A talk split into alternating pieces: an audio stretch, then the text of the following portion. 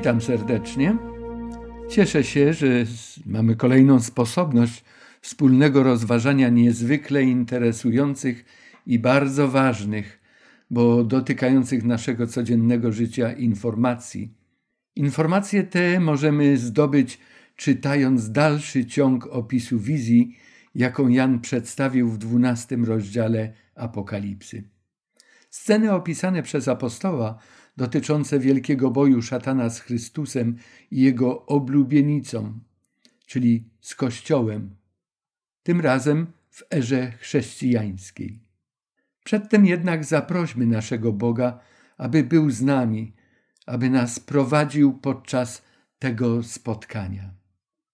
Drogi Panie Boże, otwierając Twoje słowo i sięgając po treści w nim zawarte, odczuwamy potrzebę wyrażenia Ci wdzięczności. Wdzięczności za możliwość posiadania Biblii. Jak to dobrze, że dzięki Twojej opatrzności możemy ją czytać, znajdywać w niej dowody Twojej miłości i mądrości. Dziękujemy za miłość Jezusa Chrystusa, który oddał swoje życie i uwolnił nas od win i grzechów naszych.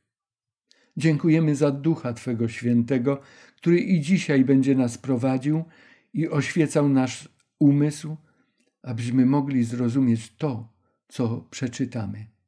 Panie nasz, prosimy Cię o Twoje błogosławieństwa. Niech tak będzie.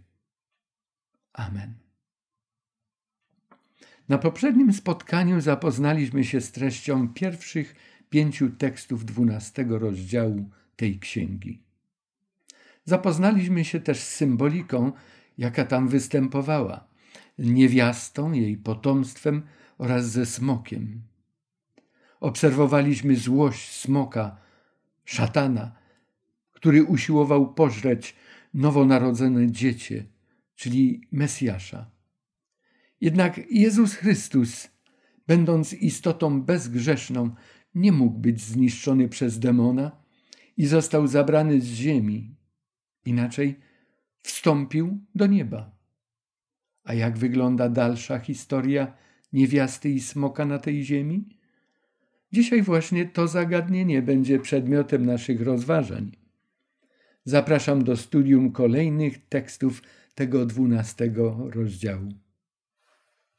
Rozpoczniemy nietypowo, bo od przeczytania kolejno po sobie tekstów szóstego i czternastego. Dlaczego tak? Przecież w treści rozdziału te dwa teksty mają miejsca swoje, są od siebie oddalone, a rozdziela je też bardzo ważny opis wybuchu walki w niebie oraz przeniesienie jej na tę ziemię. Zwróćmy jednak uwagę na te dwa interesujące nas teksty. I uciekła niewiasta na pustynię, gdzie ma miejsce przygotowane przez Boga, aby ją tam żywiono przez 1260 dni. Wiersz czternasty. I dano niewieście dwa skrzydła orła wielkiego, aby poleciała na pustynię na miejsce swoje, gdzie ją żywią przez czas, czasy i pół czasu, z dala od węża. Prawda, że te dwa teksty są do siebie bardzo podobne? Nie trudno się zorientować. Obydwa teksty dotyczą jednego i tego samego doświadczenia, przez które przechodzi niewiasta. Mamy tu także do czynienia z podwójnym nazwaniem określonego czasu, wymienionego tu czasu.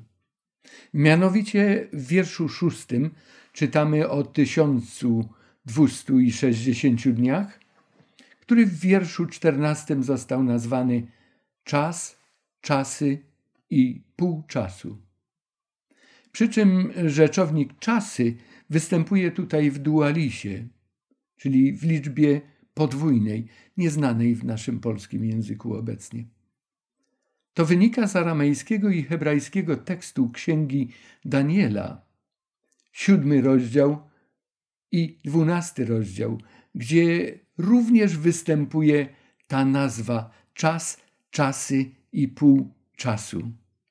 I Dan, i Danin, Pelak i Dan. Z podobnym zagadnieniem zetknęliśmy się na poprzednich spotkaniach, gdy w jedenastym rozdziale napotkaliśmy obok siebie dwie różne nazwy tego samego okresu czasu, mianowicie 42 miesiące i 1260 dni. Warto też przypomnieć, że jak wtedy zauważyliśmy, określenie 1260 dni ma swoje zastosowanie, gdy chodzi o losy lub działania ludzi wiernych Bogu. Natomiast nazwa 42 miesiące odnoszona była do poczynań wrogów Boga i jego ludu. Zauważmy też, do jakich wniosków doprowadza nas studium tych interesujących okresów proroczych, zarówno z jedenastego, jak i dwunastego rozdziału. Mianowicie określenia czy prorocze nazwy 1260 dni, 42 miesiące i czas, czasy i pół czasu, inaczej trzy i pół czasu, odnoszą się i mówią o jednym i tym samym okresie 1260 lat, o jakim czytamy w obu księgach. Myślę tutaj znowu o księdze Daniela, apokalipsie Starego Testamentu i tej apokalipsie, która jest przedmiotem naszego studium. Powstaje pytanie, czy historia zna taki długi okres czasu, 1260 dni, po przeliczeniu z proroctwa na rzeczywistość to jest 1260 lat, kiedy prawdziwy Kościół Boży i Pismo Święte napotykały na duże trudności, miały duże kłopoty z przetrwaniem. A to dlatego, że moce zła z całą determinacją niszczyły wszystkich i wszystko, co miało związek z Bożą prawdą i z ludem Boga, albo Jego świętym miastem, jak to w jedenastym rozdziale zostało nazwane, a także posłuszeństwem Bożemu Słowu. Kościół miał swoje blaski i cienie. Proszę o zrozumienie, że to nie jest atak na kogokolwiek, na żadne wyznanie, na żaden kościół. Są to jednak fakty zapisane w historii tamtej bolesnej rzeczywistości, kiedy to Biblia przez oficjalny i dominujący wówczas Kościół była umieszczona na liście ksiąg zakazanych do czytania. Nie była dostępna zresztą też dla zwykłych ludzi. Jej posiadanie lub upowszechnianie jej nauk ludzie wierzący w Boga drogo opłacani. Byli sądzeni, skazywani, prześladowani na przeróżne sposoby i zabijani. Tak, miało to miejsce i było to w okresie od ustanowienia zwierzchnictwa biskupa Rzymu nad całym chrześcijaństwem i trwało aż do aresztowania papieża Piusa VI podczas działań rewolucji francuskiej. Był to okres od 538 roku naszej ery aż do roku 1798. Wielu zacnych ludzi w tamtym czasie zwracało uwagę na błędy i wypaczenia Kościoła oraz na potrzebę naprawy tego stanu rzeczy. Bernard z Clairvaux, Franciszek z Asyżu i inni, a było ich setki, narzekali na błędy własnego Kościoła, który bardziej zainteresowany był wówczas sprawami polityki i ekonomii niż duchowości i wiary. Treść tekstów szóstego i jedenastego przypomina też eksodus Izraela z Egiptu. Podobnie jak wtedy i w tym czasie Bóg prowadzi swój lud na pustynię, ale Bóg go tam żywi. Z jednej strony było to bolesne doświadczenie wielu trudności, ale przecież to się wiązało z wyjściem z niewoli. Z niewoli egipskiej z ucisku i z niewoli błędów ciemnego średniowiecza. Prowadząc swój lud Bóg posługiwał się różnymi ludźmi i różnymi środkami. W Starym Testamencie, w Księdze Wyjścia, w dziewiętnastym rozdziale i wierszu czwartym, Bóg mówi do tego narodu: Wy widzieliście, co uczyniłem Egipcjanom i jak nosiłem was na skrzydłach orlich i przywiodłem was do siebie. Wiersz szósty informuje nas o ucieczce niewiasty na pustynię, a wiersz czternasty mówi o sposobie tej ucieczki. Działo się to z pomocą i przy wykorzystaniu wielu rozmaitych czynników, jak to było z Eksodusem z Egiptu. Jak skrzydła orle, a także o tym, że miejsce dla niewiasty na pustyni było przygotowane przez Boga. On zawsze troszczy się o swój wierny lud.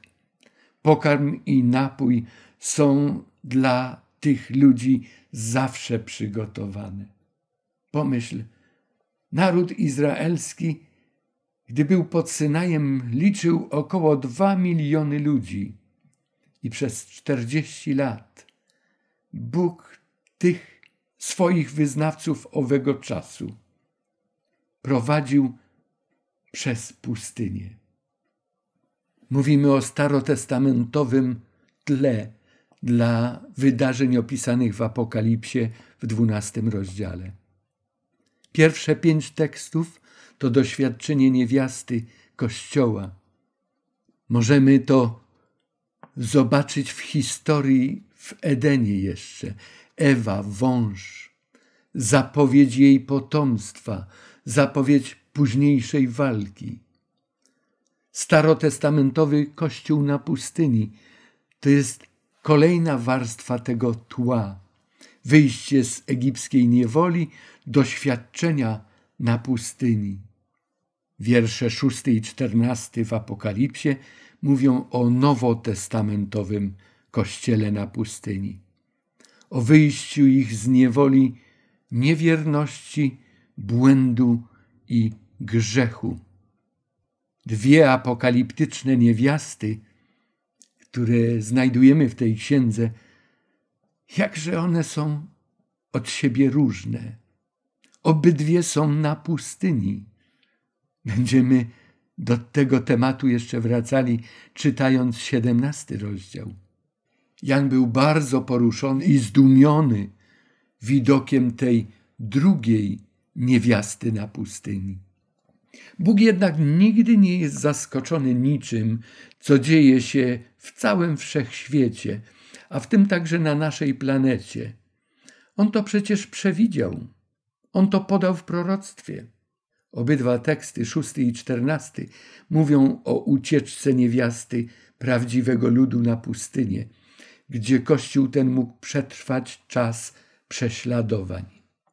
Pomiędzy tymi tekstami, szóstym i czternastym, wprowadzona i przedstawiona została geneza powstania i rozwoju walki, tego wielkiego boju na niebie i na naszej ziemi.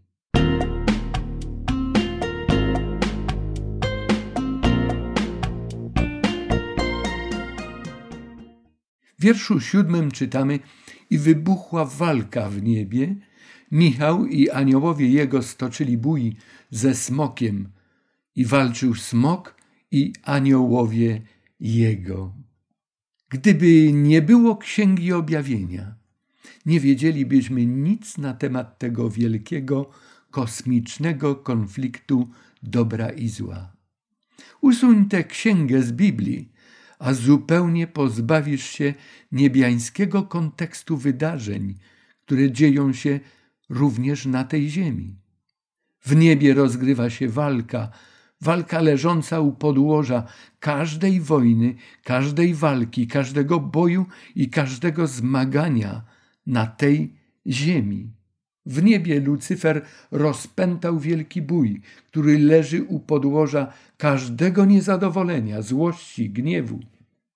Starotestamentowe nawiązania do tego buntu, walki, zrzucenia z nieba oraz ostatecznego wyroku na buntowników znajdujemy w księgach proroków Izajasza w czternastym rozdziale, u Ezechiela w dwudziestym ósmym rozdziale, a w Nowym Testamencie te historie wymienione zostają Ewangelii Łukasza w dziesiątym rozdziale, wierszu osiemnastym, w pierwszym liście Piotra w piątym rozdziale, wierszach ósmym i dziewiątym, w drugim liście Piotra, w rozdziale drugim, wierszu czwartym i w liście Judy w wierszu szóstym.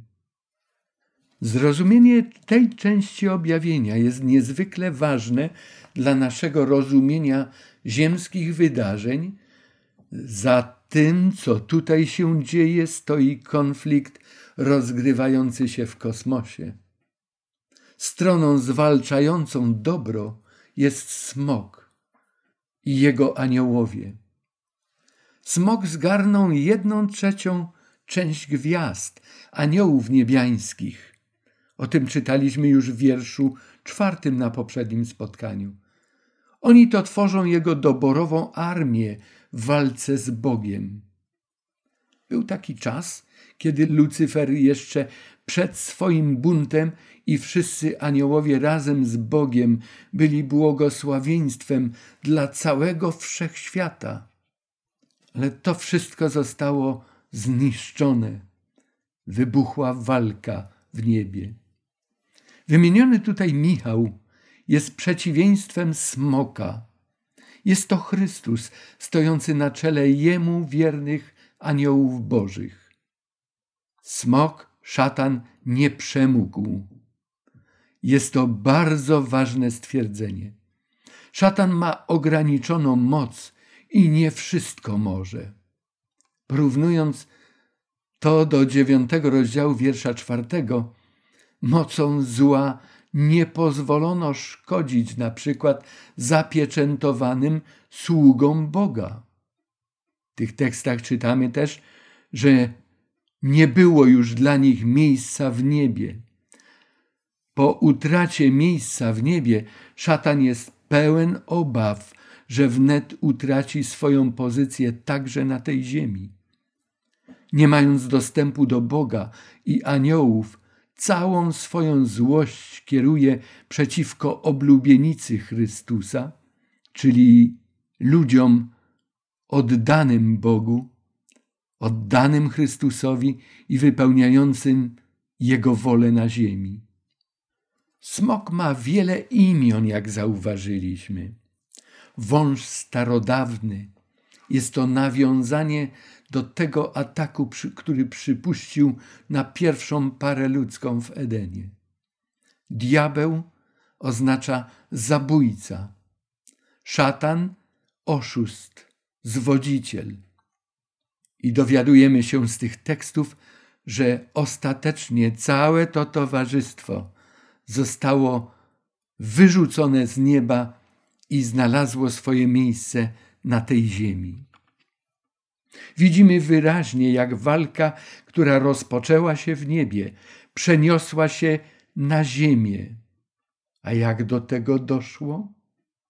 W dziesiątym tekście możemy przeczytać, Jan sprawozdaje, i usłyszałem donośny głos w niebie, mówiący: Teraz nastało zbawienie i moc, i panowanie Boga naszego, i władztwo pomazańca Jego, gdyż został zrzucony oskarżyciel braci naszych, który dniem i nocą oskarżał ich przed naszym Bogiem.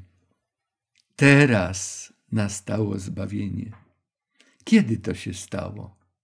Szatan został zrzucony wtedy, kiedy nastało zbawienie i moc i panowanie Boga naszego i władztwo pomazańca Jego, brzmi ten tekst. Kiedy to miało miejsce? Był to ten czas, gdy Jezus po swojej śmierci krzyżowej, zmartwychwstaniu i w niebo wstąpieniu został przyjęty i usiadł z Ojcem na tronie Jego chwały. To są myśli z piątego rozdziału, wiersze od jedenastego do czternastego w Apokalipsie. To było w roku trzydziestym pierwszym naszej ery. Wtedy mieszkańcy nieba zrozumieli charakter tej walki, a także cechy stron, które w nią są zaangażowane. Jednak na Ziemi nadal istnieje taki stan świadomości, jaki był wśród aniołów jeszcze przed Golgotą. Wielu ludzi nie rozumie krzyża ani tego, co się na nim dokonało.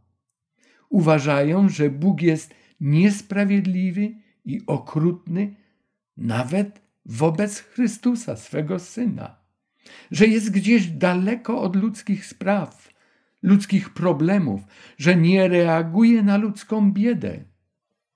Jednym z zadań Kościoła na ziemi jest rozwianie tego typu niejasności. Bóg jest nie tylko potężny, ale i bliski, miłujący swoje stworzenia, a przede wszystkim wśród tych wszystkich stworzeń ludzi. On nie tylko może i wszystko ma pod swoją kontrolą, jednak w tej walce dobra ze złem nie chodzi o siłę fizyczną, o moc. Chodzi o siłę moralną, o szlachetność, o słuszność, o prawo, o prawość. Teraz nastało zbawienie. Wspomnieliśmy piąty rozdział Apokalipsy. Głównym jego tematem jest intronizacja Jezusa po jego zwycięstwie nad szatanem. Jest to ten 31 rok naszej ery. Możemy czytać o tym, że Jezus Chrystus jeszcze przed swoją śmiercią zapowiedział, gdy będę ukrzyżowany, gdy będę, jak powiedział, wywyższony od ziemi, to wtedy wszystkich do siebie pociągnę, a szatan będzie precz wyrzucony. Jest tekst z Ewangelii Jana z 12 rozdziału 31 do 33 wersa. W Apokalipsie w 12 rozdziale dowiadujemy się, że to dziecię, którym jest Mesjasz, którym jest Jezus Chrystus, zostało zabrane do Boga i do Jego tronu. To było w niebo wstąpienie Chrystusa i ukoronowanie Go chwałą. Wtedy to rozbrzmiało niebo tym okrzykiem: Godzien jest baranek wziąć chwałę, cześć i moc. I tu w dwunastym rozdziale, wierszu dziesiątym. Teraz nastało władztwo pomazańca Bożego. W liście do Hebrajczyków w drugim rozdziale, wierszach 14 i 15 czytamy, że Chrystus przez śmierć zniszczył tego, który miał władzę śmier nad śmiercią, czyli diabła, i wyzwolił wszystkich więźniów, wszystkich je przez niego zniewolonych ludzi. Chrystus zwyciężył potęgą, jaką i Ojciec Jego dysponuje. Jego prawość oparta na miłości i wolności wyboru, jaką jako Stwórca obdarował każdego człowieka.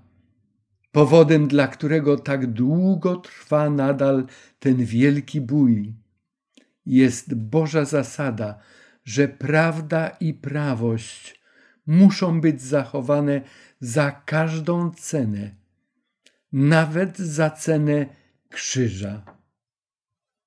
Kolejny wiersz jedenasty informuje nas, a oni zwyciężyli go przez krew baranka i przez słowo świadectwa swojego i nie umiłowali życia swojego tak, by raczej je obrać niż śmierć. Mowa jest o naśladowcach Chrystusa, o uczniach mistrza z Nazaretu. Tak jak on zwyciężył w oparciu o szlachetność, tak oni zwyciężają. Każdy człowiek jest człowiekiem grzesznym. Co z grzechami, które już popełniliśmy? Pismo Święte nam mówi, że możemy w każdej chwili przyjść do Jezusa Chrystusa, dlatego że On za nas umarł. Jego święta przelana krew jest ceną, jaką zapłacił za moje i Twoje winy. I dzisiaj, niezależnie od położenia, w jakim się znajdujesz, każdy wierzący w Chrystusa może odnieść zwycięstwo nad diabłem. Jak? Jedynie przez krew baranka. Apostoł Paweł, który kiedyś był mordercą przecież, Szawłem Starsu, powiedział: Z Chrystusem jestem ukrzyżowany. Żyję już nie ja, ale żyje we mnie Chrystus. A to, że żyję w ciele ludzkim, to oznacza, że żyję w czasie, kiedy mogę Mu służyć, kiedy mogę Go wielbić za to, czego dla mnie dokonał. Również kolejnym czynnikiem zwycięskim, tym orężem jest słowo świadectwa. Świadectwa tego, kim dla nas jest ten Chrystus, ten Zbawiciel, kim dla nas jest Bóg. Paweł powiedział: Ja się nie wstydzę Ewangelii Chrystusowej. Wierność wierzących w Chrystusa dokumentują wiernością w czasie prześladowań i trudności, jak ta niewiasta przez ten długi okres czasu. Wierności, jak trzeba było to aż do śmierci. Siła zwycięzców zakorzeniona jest w słowach ich świadectwa o mocy zbawiennej w Chrystusie. Krzyż Chrystusa jest dla nich wszystkim. Śmierć Chrystusa była podstawą Jego i naszego zwycięstwa nad szatanem. Dlatego w wierszu dwunastym czytamy: Weselcie się niebiosa i wy, którzy mieszkacie w nich, lecz biada mieszkańcom ziemi i morzu, gdyż stąpił do was diabeł, pałający wielkim gniewem, bo wie, że czasu ma niewiele. Szatan szaleje w bezsilnej wściekłości. Wie, że czasu ma niewiele. Demon doskonale zdaje sobie sprawę, że przegrał tę wojnę.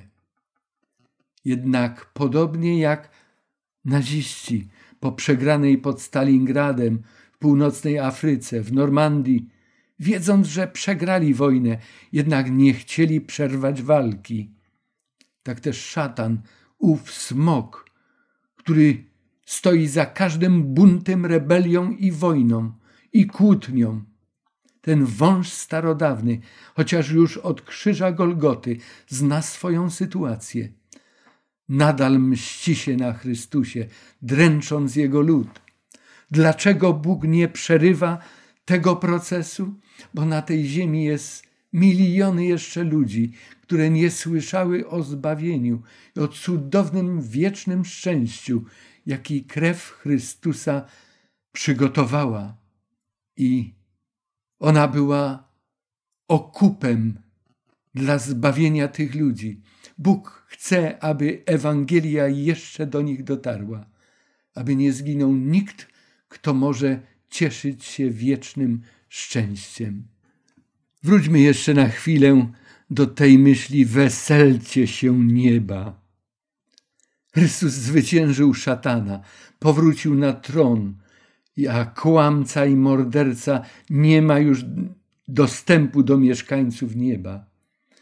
Oni to obserwując zachowanie diabła, wyrazili wobec niego swoje wotum nieufności.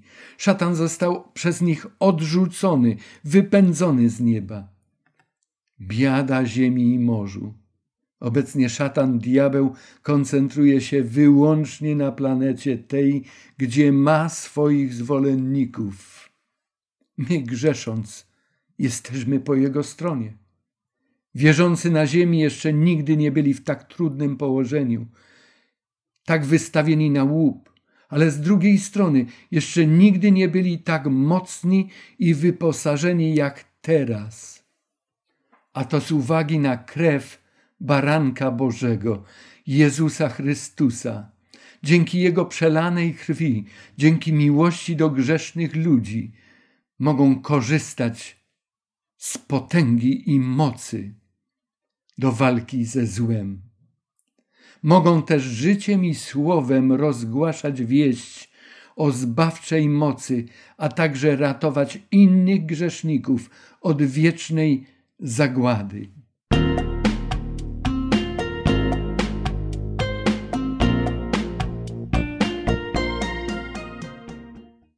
Zwycięstwo Krzyża Chrystusa jest nie do przecenienia i nie do zrozumienia do samego końca.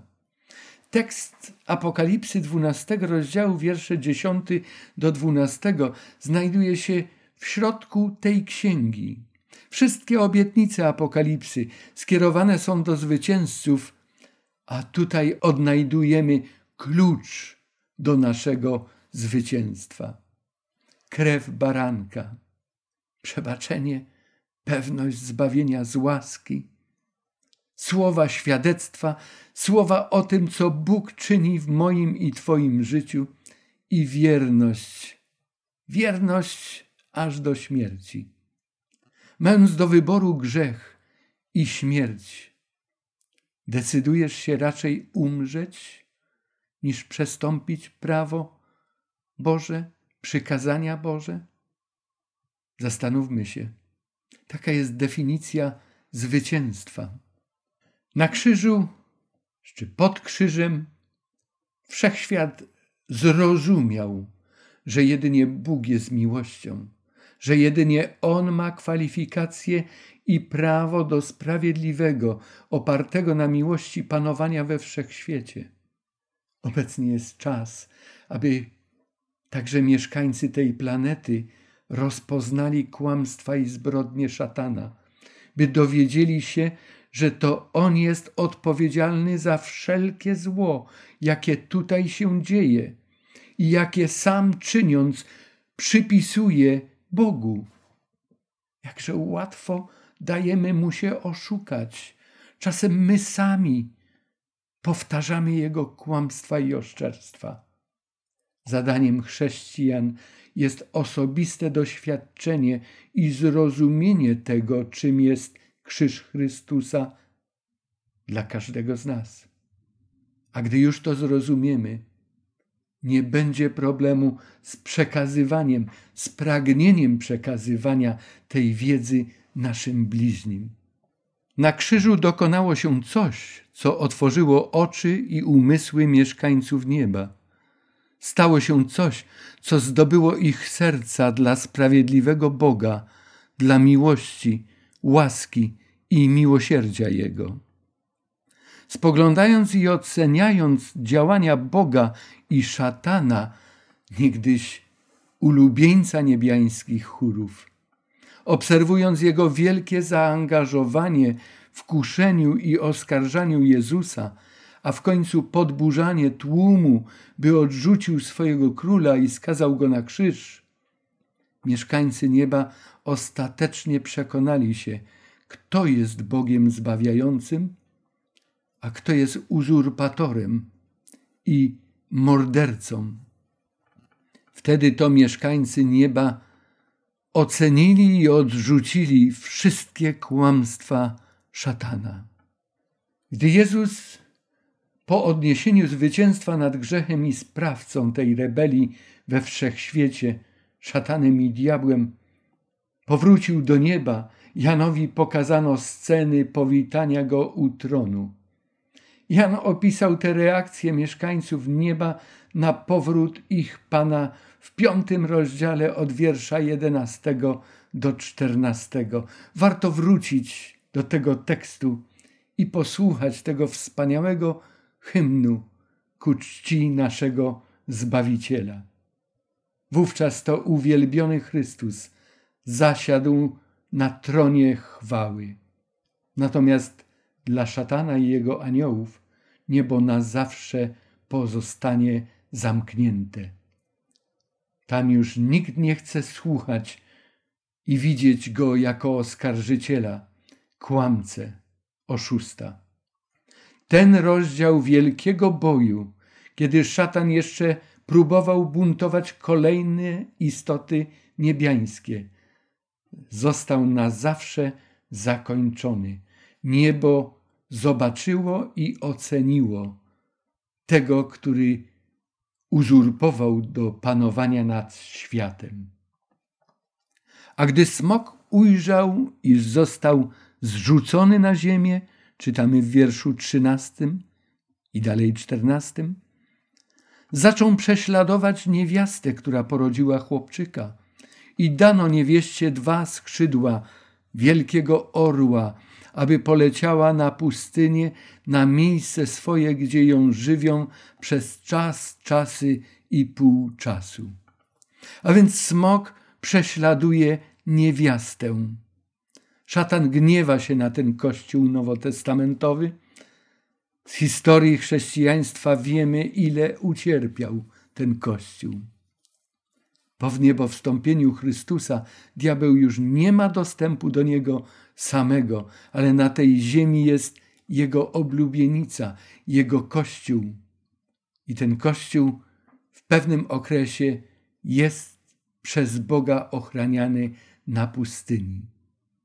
Ta narracja wiersza czternastego wraca do myśli zawartych już w tekstach piątym i szóstym tego samego rozdziału. Smok prześladuje, a Bóg ochrania tę niewiastę. Wąż wypuścił za niewiastą strumień wody. Wodę, o tym mówiliśmy już znacznie wcześniej, możemy rozpatrywać w kategoriach produktu żywieniowego, jako pożywienia, woda do celów higienicznych, oczyszczenia i woda jako żywioł, zniszczenie. W tym przypadku wyraźnie chodzi o niszczenie. Rzeka z paszczy węża może sugerować te kłamstwa, jakimi szatan atakował już pierwszą niewiastę w raju, Ewę. Szatan zawsze atakował ludzi dwoma sposobami, dwoma metodami: kłamstwem, wszelkiego rodzaju oszustwem, zwiedzenie, zwiedzeniami i także przemocą, stosowaniem nacisku, prześladowaniami. Tak prześladował innowierców w okresie supremacji i dominacji powszechnego państwowego kościoła. Wielu gorliwych wyznawców upadłego chrześcijańskiego kościoła zabijało swoich pobratymców, którzy odważyli się czytać Pismo Święte i inaczej wierzyć. Zabijali ich, jak to Chrystus zapowiedział, myśląc, że Bogu tym samym czynią przysługę. Przykładem tych cierpień są Waldensi, którzy za kopiowanie i upowszechnianie Biblii wiele wycierpieli prześladowań. Byli ścigani przez inkwizytorów ze strony panującego kościoła. Kryli się w jaskiniach, w rozpadlinach górskich, w Alpach. Wierzący podążali tą drogą, którą już wcześniej, kiedyś podążali ich współbracia ze Starego Testamentu.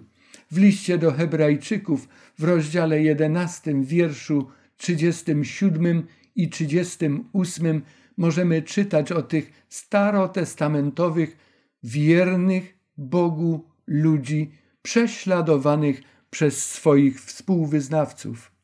Czytam wiersz 37 z listu do Hebrajczyków i 38. Byli kamienowani, paleni, przeżynani piłą, zabijani mieczem, błąkali się w owczych i kozich skórach, wyzuci ze wszystkiego, uciskani, poniewierani, Ci, których świat nie był godny, tułali się po pustyniach i górach, po jaskiniach i rozpadlinach ziemi. Historia niewiasty na tej ziemi zatoczyła swoje koło. Ale w wierszu piętnastym i szesnastym czytamy, że gdy wyrzucił wąż z paszczy swojej za niewiastą strumień wody, aby ją strumień porwał, to ziemia przychodzi niewieście z pomocą, otwiera swoją gardziel i wchłania strumień, który smok wyrzucił ze swojej paszczy. Tak, ziemia pomogła niewieście. Jest tutaj nawiązanie do doświadczenia wyjścia z Egiptu.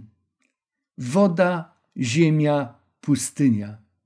Chociaż mamy tutaj do czynienia z odwróceniem tematycznym.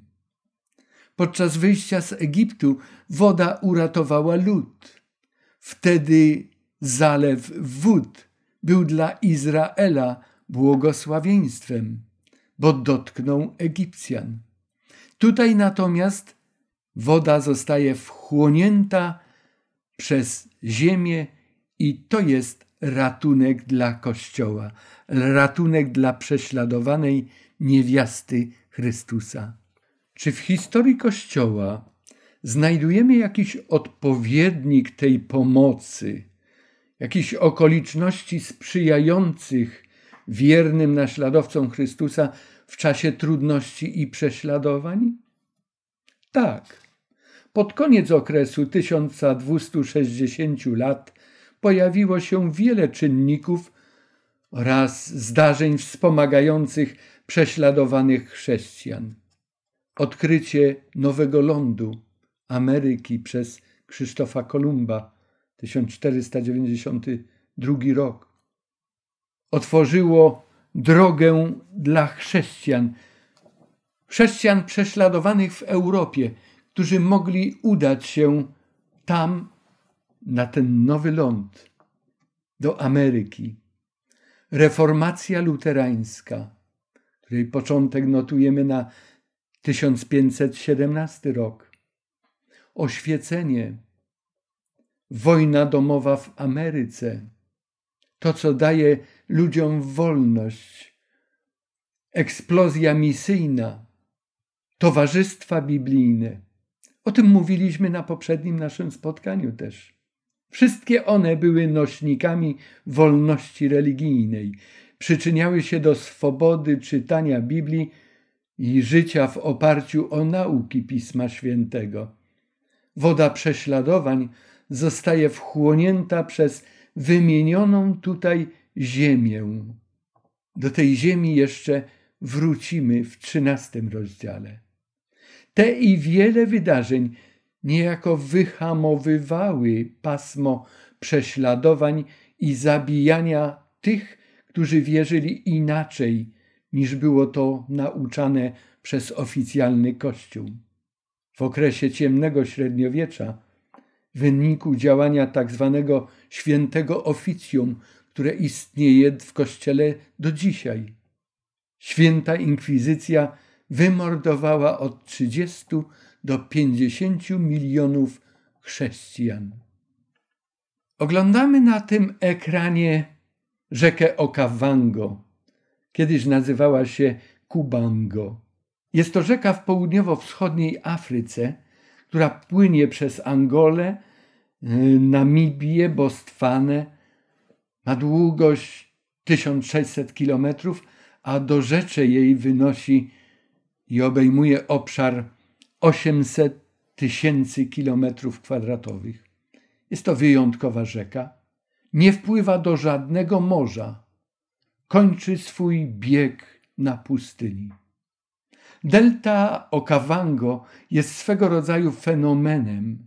Zamiast płynąć do morza, woda pochodząca z opadów deszczowych na tamtym terenie rozpływa się po pustyni Kalahari, pokrywając obszar 15 tysięcy kilometrów kwadratowych. W ten sposób tworzy różne labirynty, kanały, laguny. Niezliczona ilość wysepek wynurzających się z tej wody tworzy unikalne środowisko przyrodnicze. A więc zwróćmy uwagę, jest to jak gdyby ilustracja, jak rzeka może być wypita, wchłonięta, pochłonięta przez pustynię. To jest taka ciekawostka, którą chciałem się posłużyć jako ilustracją do tego, do czego Bóg doprowadził, aby niewiasta mogła być uratowana od niszczącej działalności tych wód prześladowczych.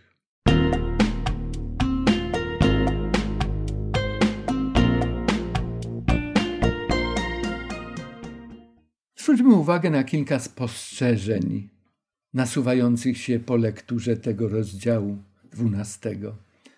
W końcowej rozgrywce na tej ziemi modlitwa będzie odgrywała znaczącą rolę w życiu ludzi wierzących. Być może nie da się tego zauważyć bezpośrednio w tekstach, które dzisiaj czytaliśmy. Jednak kiedy przypomnimy sobie treść niektórych obietnic Pisma Świętego, to zobaczymy, jak silne związki łączą te pojęcia. Ten związek i dla nas będzie oczywisty. Psalm 32 i wiersz 6. Niech modli się do Ciebie każdy pobożny w czasie niedoli. Gdy wyleją wielkie wody, do Niego nie dotrą. Ty jesteś ochroną moją, strzeżesz mnie od ucisku, otaczasz mnie radością wybawienia. Widzimy ten związek obietnicy wyrażonej w Psalmie 32 z doświadczeniami chrześcijaństwa prześladowanego przez szatana, smoka, który wypuścił prześladowczą wodę jak strumień wód. Inny tekst z Psalmu 124. Gdyby Pan nie był z nami, niechże powie Izrael, gdyby Pan nie był z nami, gdy ludzie powstawali przeciwko nam, to byliby nas pożarli żywcem, gdy płonęli gniewem przeciwko nam. To byłyby nas zalały wody, potok zatopiłby nas. To przeszłyby nad nami wody wezbrane. Panowanie Chrystusa jest skuteczne w życiu tych ludzi, którzy mu zaufali i pozostają w relacji z nim, w relacji z Bogiem. Poza każdym ziemskim konfliktem rozgrywa się walka na skalę wszechświata. Bez księgi objawienia niewiele byśmy o tym w ogóle wiedzieli. Wierzący w Boga jeszcze nigdy w historii nie byli tak mocni, jak obecnie, dzięki mocy krwi baranka, a zarazem tak podatni na ataki szatana, który swój wielki gniew kieruje przeciwko Kościołowi Bożemu.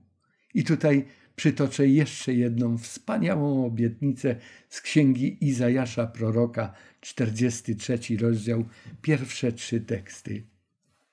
Lecz teraz tak mówi Pan, który cię stworzył, który cię ukształtował. Nie bój się, bo cię wykupiłem. Nazwałem cię Twoim imieniem, moim jesteś. Gdy będziesz przechodził przez wody, będę z Tobą, a przez rzeki nie zaleją Cię. Gdy pójdziesz przez ogień, nie spłoniesz i płomień nie spali Cię. Moi drodzy, Cóż znaczą przeciwności i kłopoty, gdy z nami jest wszechmogący Bóg? Powiedział: Ciebie to dotknie, pójdziesz przez te wody, ale ja pójdę z Tobą. Ja będę z Tobą. Na krzyżu Chrystusa dokonało się coś, co pociąga serca ludzkie, jeśli to pojmują. Krzyż zaistniał w 31 roku naszej ery. Wtedy to wszyscy mieszkańcy nieba zrozumieli jego znaczenie dla nich i dla całego wszechświata. Ale to samo zrozumienie musi nastąpić u mieszkańców ziemi.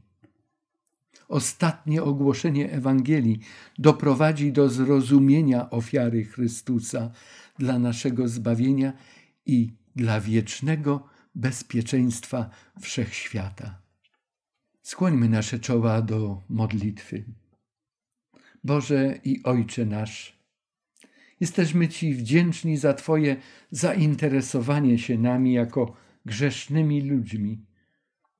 Jesteś z nami w całej historii, we wszystkich okolicznościach życia. Bądź uwielbiony, Panie, za Twoją dobroć, miłość, cierpliwość za mądrość w postępowaniu w wielkim boju Twoim z szatanem i jego aniołami. Naucz nas, Twoich naśladowców, w taki sam sposób zachować dobrość i szlachetność w różnych sytuacjach, które prowokują do innych zachowań. Chcemy być podobni do Ciebie, Panie Jezu. Chcemy być podobni w okazywaniu, w okazywaniu miłości wszystkim ludziom.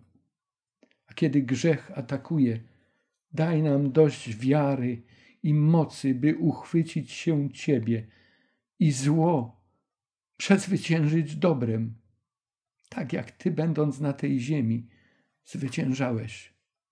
Pomóż i nam. Chroń nas od wszelkich przejawów zła, nienawiści, uprzedzeń, fanatyzmu.